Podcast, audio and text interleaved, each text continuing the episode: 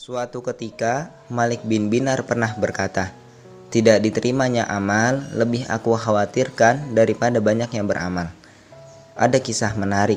Suatu ketika ada salah seorang salafus soleh yang setiap hari Kamis sore itu kerjaannya menangis.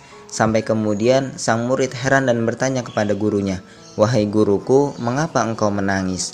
Kemudian sang guru menjawab, "Wahai muridku, tahukah engkau bahwa setiap hari Kamis amalan seorang hamba naik ke langit menuju Allah Subhanahu wa taala dan aku khawatir jika amalanku tidak diterima oleh Allah Subhanahu wa taala lantaran cacatnya amal-amalku.